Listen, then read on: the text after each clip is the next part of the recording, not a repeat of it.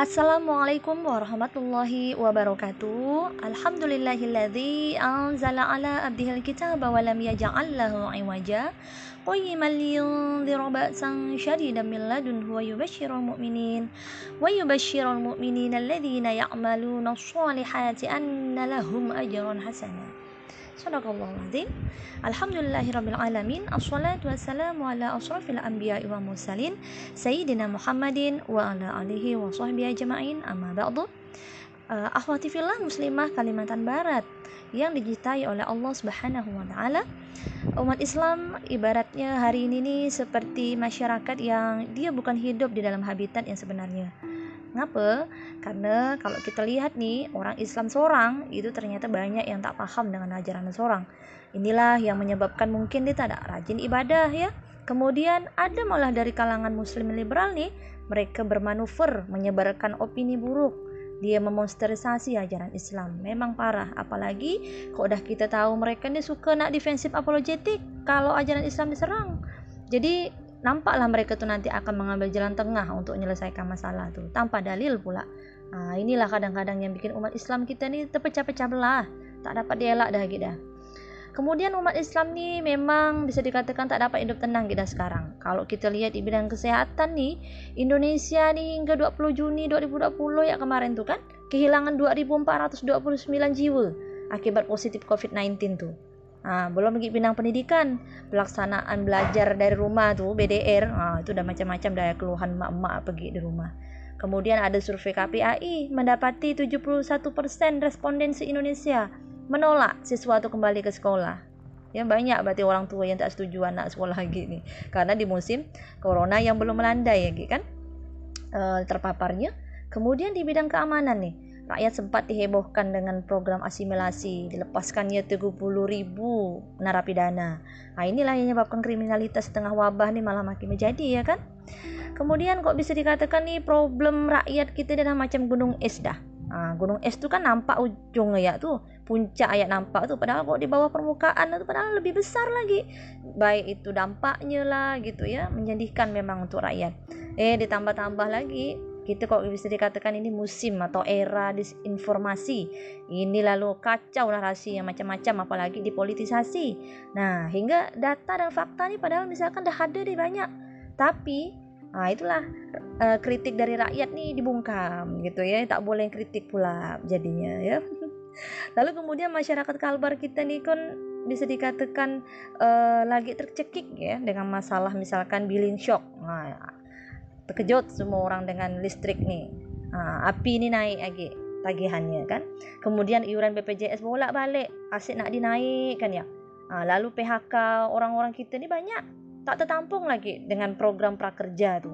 Soalnya bukan apa syarat bisnis oligarki payah ngomong lah. Lalu kemudian di Tapera ya, tabungan perumahan rakyat nih kan digagas gak nih itu sebenarnya memalak secara sistematis lah kalau misalnya kita mau jujur-jujur. Kemudian gimana lah? Kok mau diadakan nih? Rakyat belum gak sakit hati ya? Belum hilang sakit hatinya maksudnya. Karena apa? Korupsi jiwasraya kemarinnya 16,8 triliun uang negara. Di korupsi itu kan? Hmm. lalu sekarang kita tengok PSBB direlaksasi. Ah, apa bahasa baru tuh new normal new normal life ke ah, tampak manis ya nama tuh bukan lagi. Keren tapi lihatlah cocok ke? Karena kan sekarang kurva terpapar corona ini belum ada melandai-melandai, belum ada turun-turun. Ah, belum lagi kan lagi banyak pajak jenis pajak yang mesti kita bayar nih ya sebagai rakyatnya. Inilah ya ibu-ibu uh, yang dirahmati Allah Allah ya.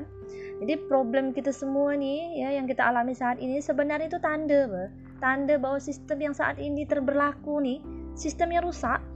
Sistem apa itu? Sistem kapitalisme sekulerisme dan demokrasi. Nah memang banyak orang bilang bahaya nih. Sekarang nih komunisme. Iya komunisme itu adalah bahaya laten. Ada yang bahaya nih. Apa bahaya kapitalisme dan sekularisme itu tadi?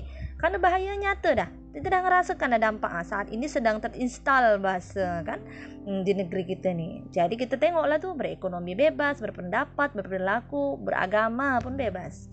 Jadi akar masalahnya nih sekularisme rupanya ya Kemudian kita kan ngelihat nih banyaklah kritik dari rakyat gitu kan ya. Kita harusnya memberikan cakrawala berpikir yang baru. ya kita jangan nak makar negara tidak boleh gak makar. Kita tawarkan proposal yang sebenar-benarnya itu berangkat dari Allah Subhanahu Wa Taala. Apa proposalnya?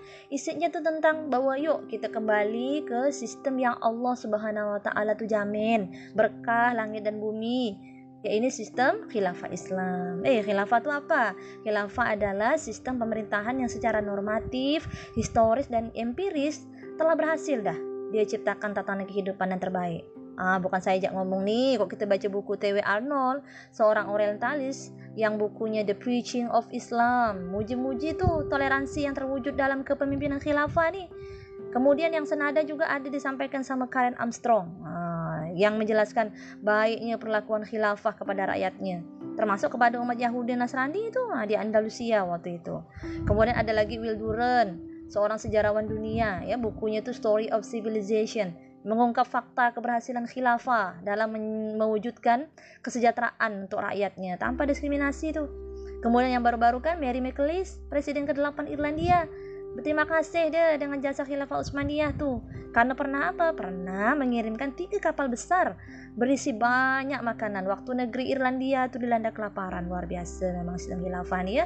Nah, oleh karena itu marilah kita kembali umat Islam ini kepada habitat aslinya ya ini kembali ke kehidupan Islam secara kafah berandaskan Al-Quran dan As-Sunnah hidup di dalam naungan khilafah amin. Insya Allah akan terwujud.